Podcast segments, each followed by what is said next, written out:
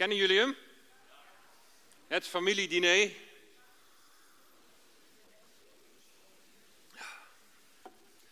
Nou, we zijn even weer bijgepraat, bijgezongen over waar we het tot nu toe over hebben gehad. En we gaan uh, daar nu weer een vervolg aan geven. Toch nog even, toen de, de broers, de man die over Jozefs huis ging, het geld terug wilden geven, wat er in hun zakken was gestopt, toen was er een hele bijzondere reactie. En die hebben we Goede Vrijdag hebben we die met elkaar gelezen. Dat was Genesis 43, vers 23. Vrede zij u, wees niet bevreesd. Uw God en de God van uw vader heeft u een schat in uw zakken gegeven. Uw geld heeft mij bereikt. Dus God heeft wonderlijk voldaan. Zo hebben we dat ook met elkaar gezongen. Hij heeft de prijs betaald voor hun redding. Hij heeft er zo voor gezorgd dat ze niet van de honger omkwamen. En Goede Vrijdag heb ik dat gelezen in relatie tot de boodschap van genade. Voor onze redding is ook betaald. We kunnen aan de verzoening helemaal niets bijdragen. Het is genade dat Jezus stierf voor jou en voor mij. Hij heeft de losprijs voor onze vrijheid, heeft hij voldaan, heeft hij betaald. In de allereerste plaats betaalde hij die prijs voor zijn volk. Hij kwam voor de verloren schapen van het huis van Israël. Maar zoals de broers Jozef nog steeds niet herkennen, zo heeft zijn volk hem niet herkend toen hij geboren werd in de stal in Bethlehem, in de stad van David. Ze herkenden hem niet toen hij stierf aan het kruis van Golgotha. De boodschap van genade is nog een verborgenheid.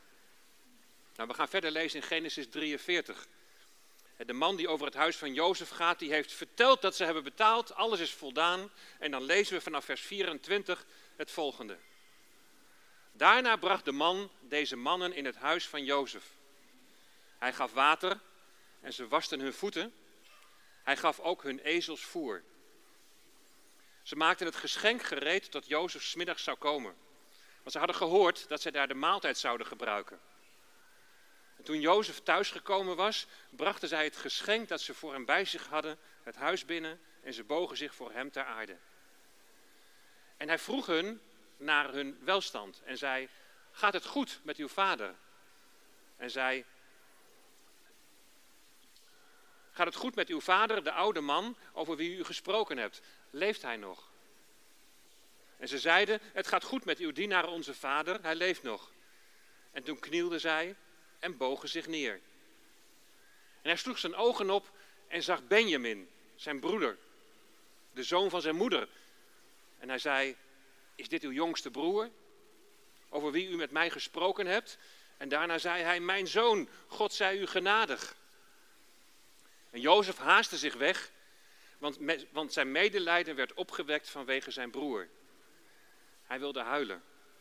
En daarom ging hij een kamer binnen en hij huilde daar.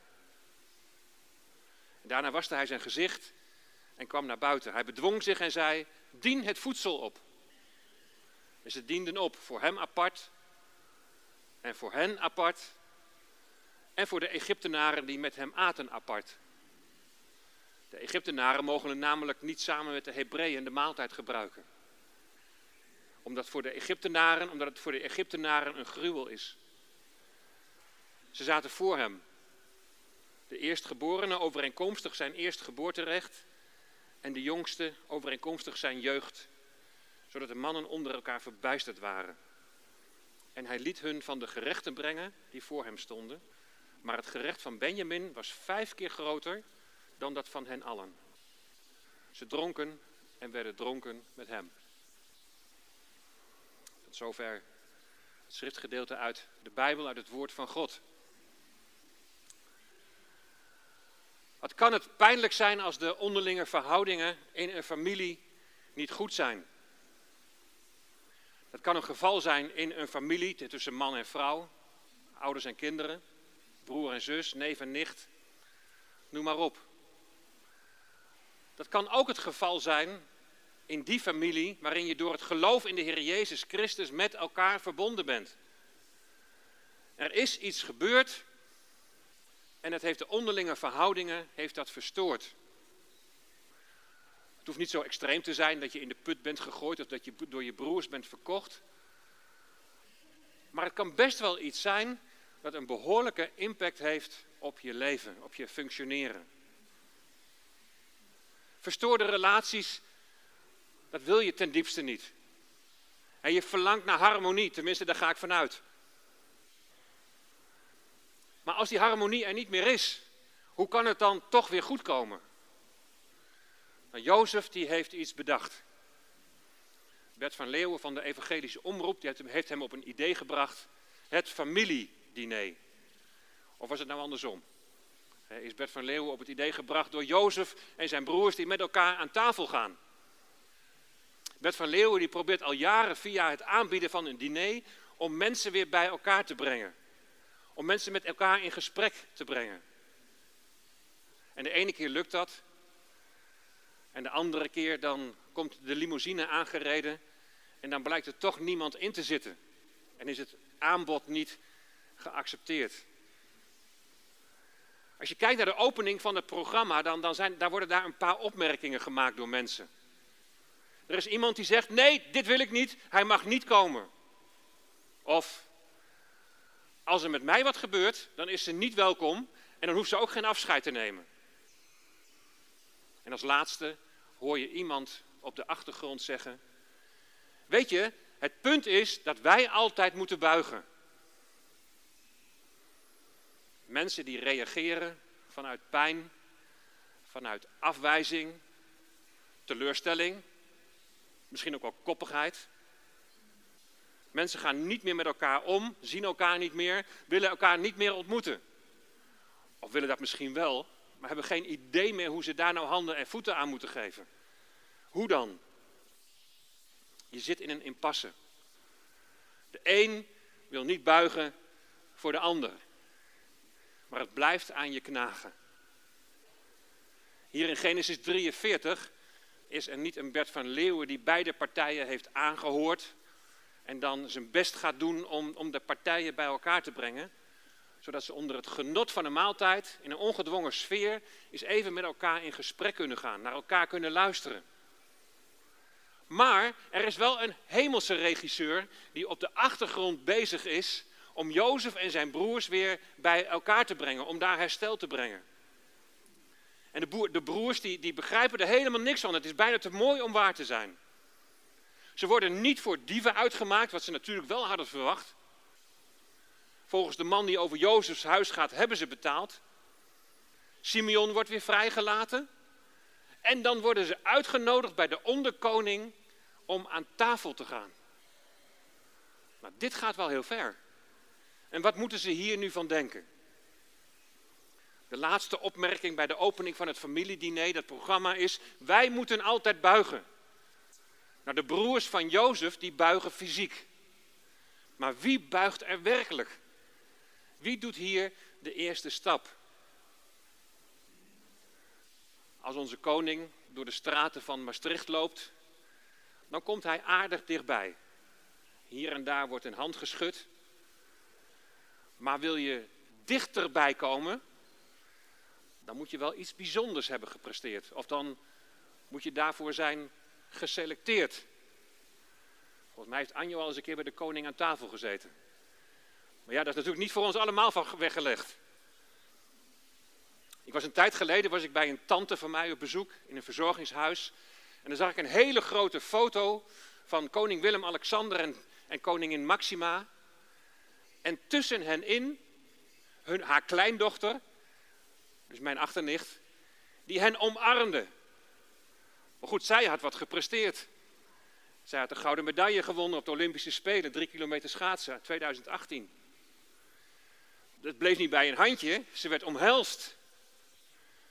Nou, de broers van Jozef die hebben niets gepresteerd. Integendeel, er is nog een rekening te vereffenen.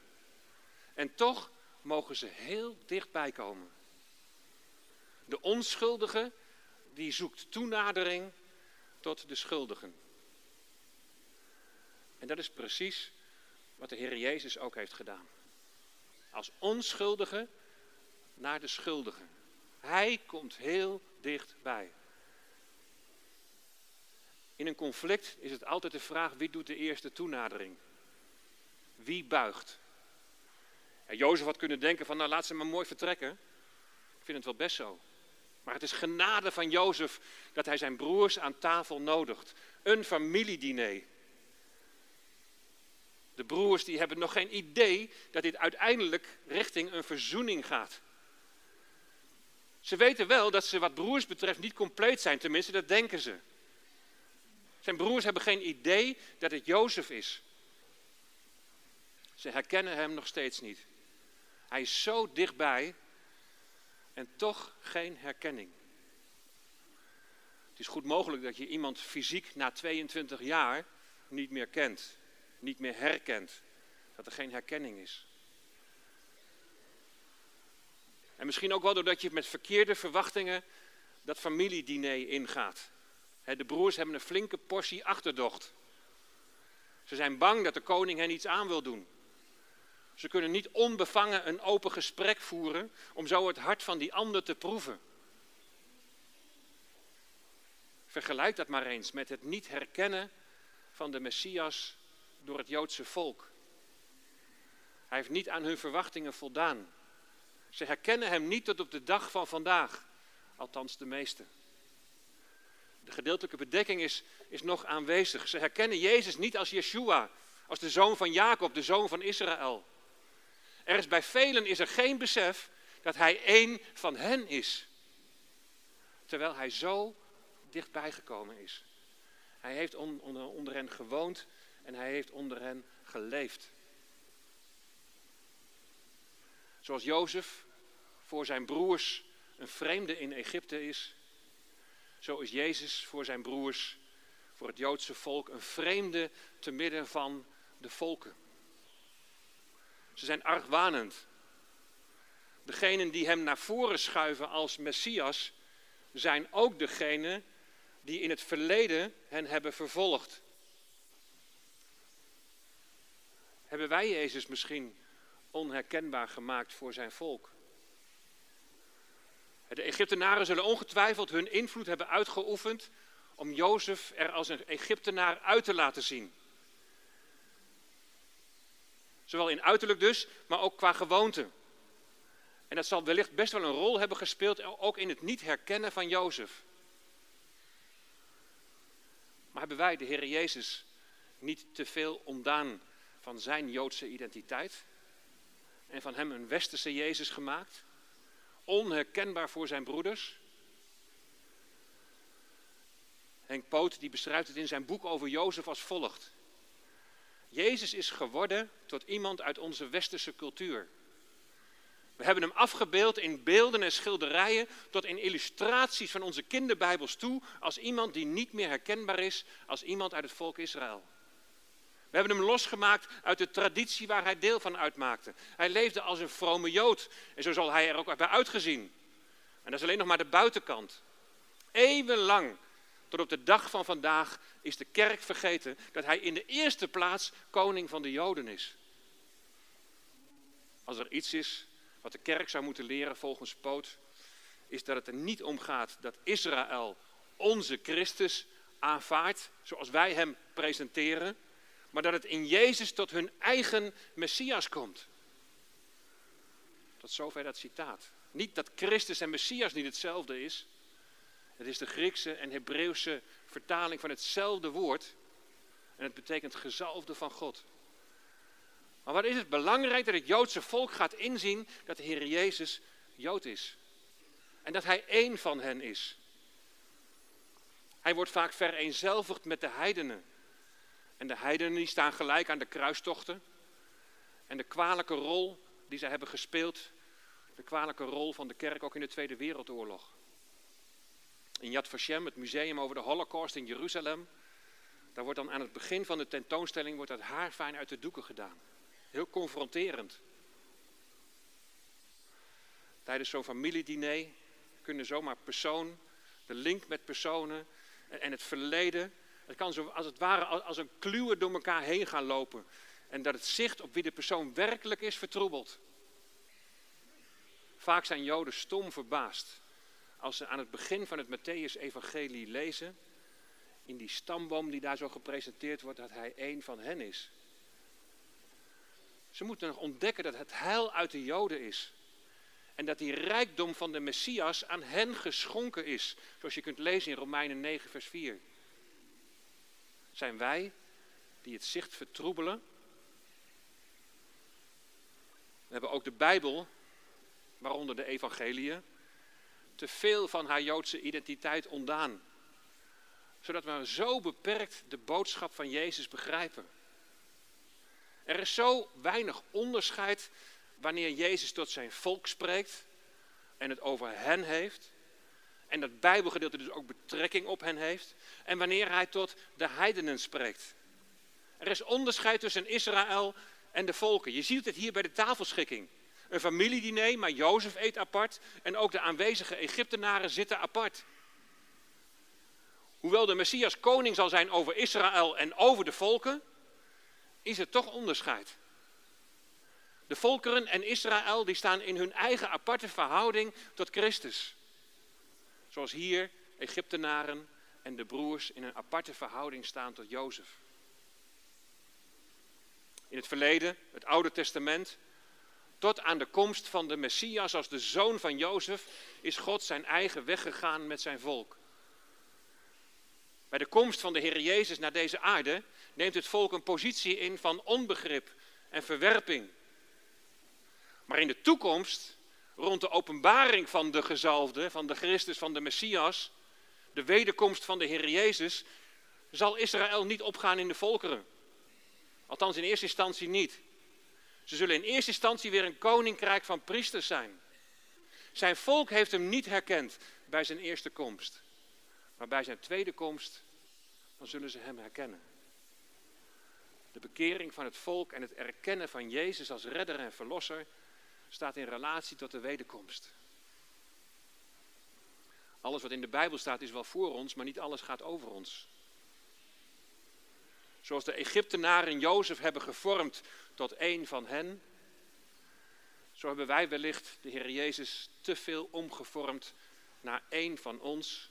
En is dit onder andere een reden dat hij onherkenbaar is voor zijn volk. En natuurlijk, er is een bedekking van Gods wegen. Maar in hoeverre helpen wij een handje door de Heer Jezus zo naar ons beeld voor te stellen? Ze herkennen de Egyptische Jozef nog steeds niet als hun broer. De broers en de Egyptenaar zijn onderscheiden van elkaar. Zoals het Joodse volk en de heidenen. Maar de verbindende schakel is Jozef. De verbindende schakel is de Heer Jezus. Als deze verbindende schakel ontbreekt tijdens het familiediner, dan maakt dat een herstel op hartsniveau bijna onmogelijk. Waarom is het wel mogelijk als Hij die verbindende schakel is? Wat kunnen we leren van Jozef? Wat kunnen we leren van de Heer Jezus? En laten we maar gewoon eens even kijken wat daar verder aan tafel gebeurt. Het familiediner. De broers die komen met hun geschenken en zij buigen zich voor Jozef neer. Maar dit zal niet de laatste keer zijn. De dromen van Jozef gaan in vervulling.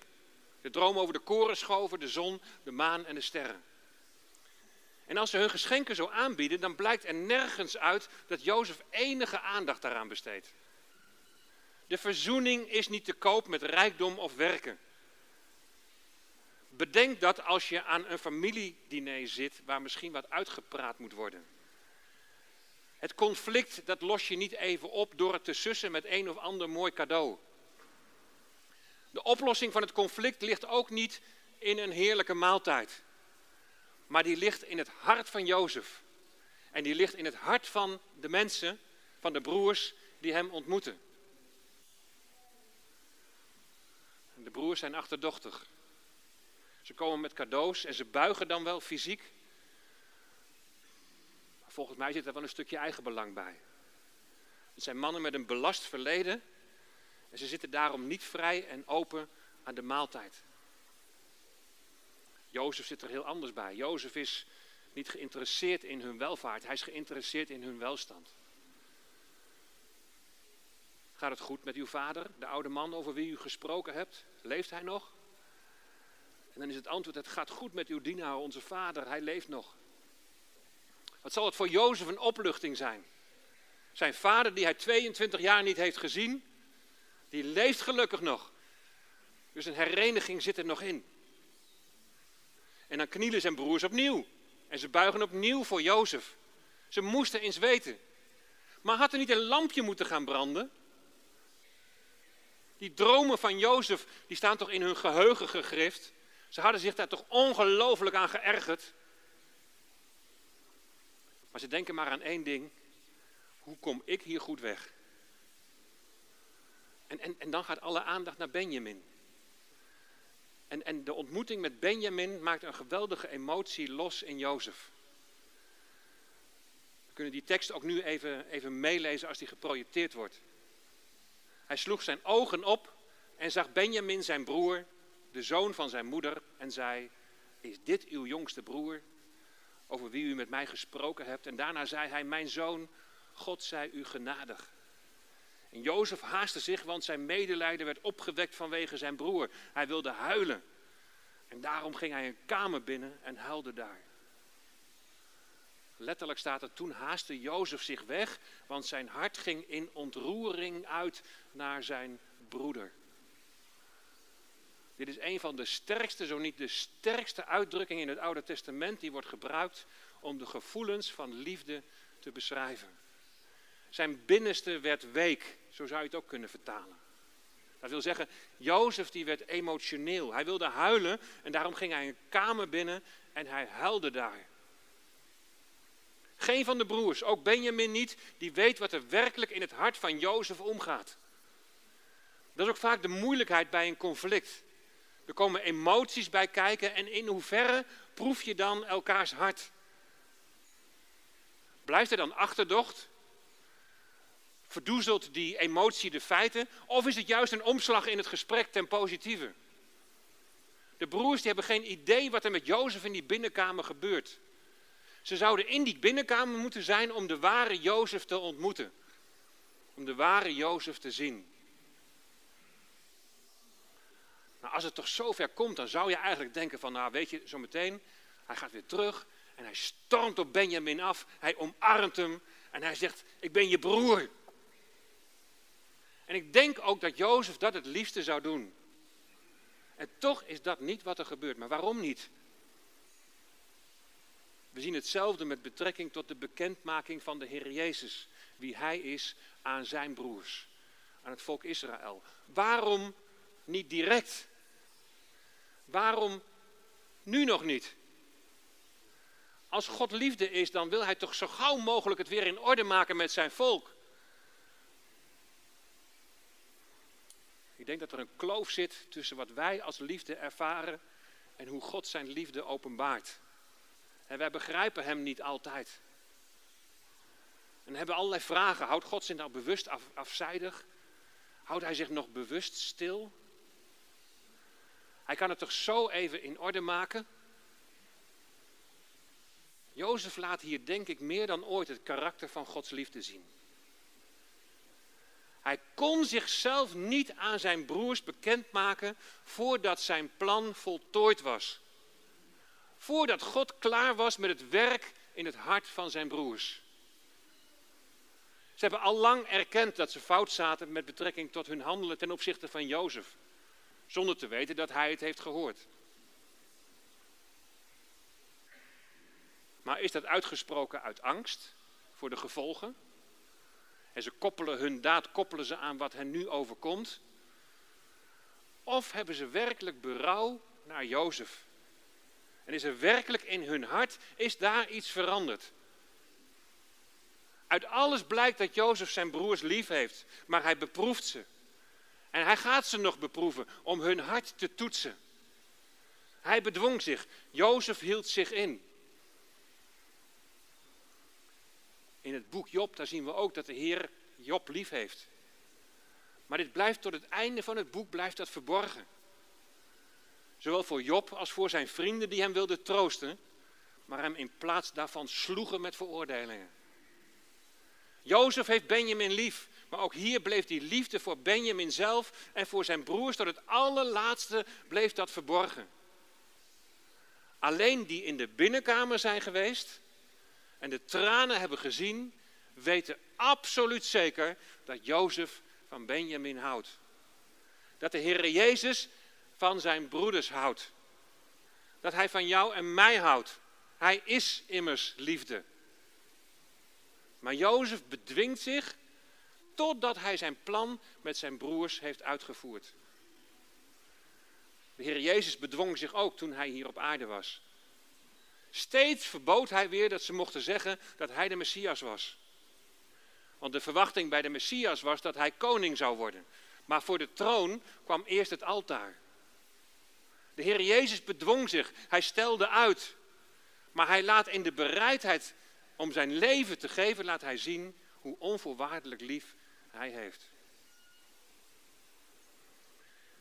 Vaak als je kijkt naar de omstandigheden in je leven, als die moeilijk en zwaar zijn, als je kijkt naar de omstandigheden in deze wereld, wat er allemaal gebeurt, dan zijn er heel veel dingen die je niet begrijpt. Ook niet wat Gods volk allemaal moet overkomen. In de geschiedenis, maar ook, denk ook aan de druk en het groeiende antisemitisme in onze tijd. We begrijpen niet altijd waarom hij zich bedwingt, waarom hij uitstelt. Maar als je in zijn binnenkamer bent,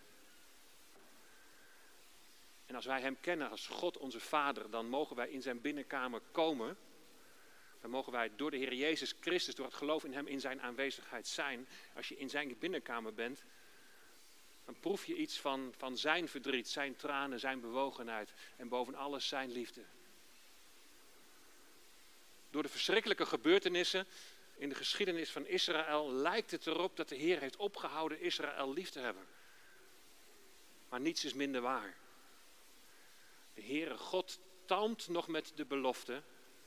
Hij stelt de belofte nog uit van zijn wederkomst, omdat hij niet wil dat mensen verloren gaan. De Heer Jezus bedwingt zich om te komen en vrede te brengen, omdat het tijdstip daartoe aan de Vader gegeven is.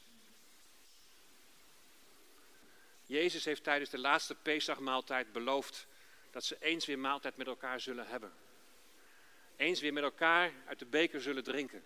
Een belofte voor zijn volk. Het nieuwe verbond zal dan voor hen werkelijkheid gaan worden als volk. En in die zegeningen van het nieuwe verbond, daar mogen wij nu al in delen. Door onze verbondenheid met de Joodse Messias. Wij mogen nu met hem aan tafel. En we gaan het zo meteen ook zingen. Onze God roept ons aan tafel om te vieren, te gedenken, om te proeven van zijn goedheid. Wat de smaak van redding is. Onze God is onze gastheer. Hij heet al zijn kinderen welkom om te proeven van genade. Hij die zelf de maaltijd is. Weet je, vroeger werd bij ons altijd gezegd dat je welkom bent als je de Heer Jezus als gastheer aanvaardt. Als je Hem erkent als je redder en verlosser. En dan werd daar ook altijd nog aan toegevoegd. En als je in vrede leeft met je broeder of zuster, in zoverre het van jou afhangt. De maaltijd kan ook een eerste stap zijn naar herstel. Zoals het hier bij Jozef en zijn broers ook een eerste stap richting was, richting herstel. En je erkent dat je het conflict vanuit jezelf niet kunt oplossen. Tijdens de maaltijd erken je dat Hij, de Heer Jezus, de verbindende schakel is. Hij die Jood en Heide verbindt tot een eenheid in Hem. Hij wil daar waar iets verbroken is, daar wil Hij heling geven. Wie neemt het initiatief? Wie buigt? En wie laat werkelijk zijn hart zien? Hij is ons daarin voorgegaan. En wij mogen Hem daarin navolgen. De maaltijd van de Heer. Een familiediner. De tafel van de verzoening. En het is de Heer Jezus die nodigt. Hij die jou lief heeft. Hij die bewogen over jou is. Hij die de verbindende schakel is. Hij die ons aan elkaar gegeven heeft een familiediner. Samen aan tafel. Om te proeven van zijn goedheid, van zijn liefde, van zijn genade. Amen.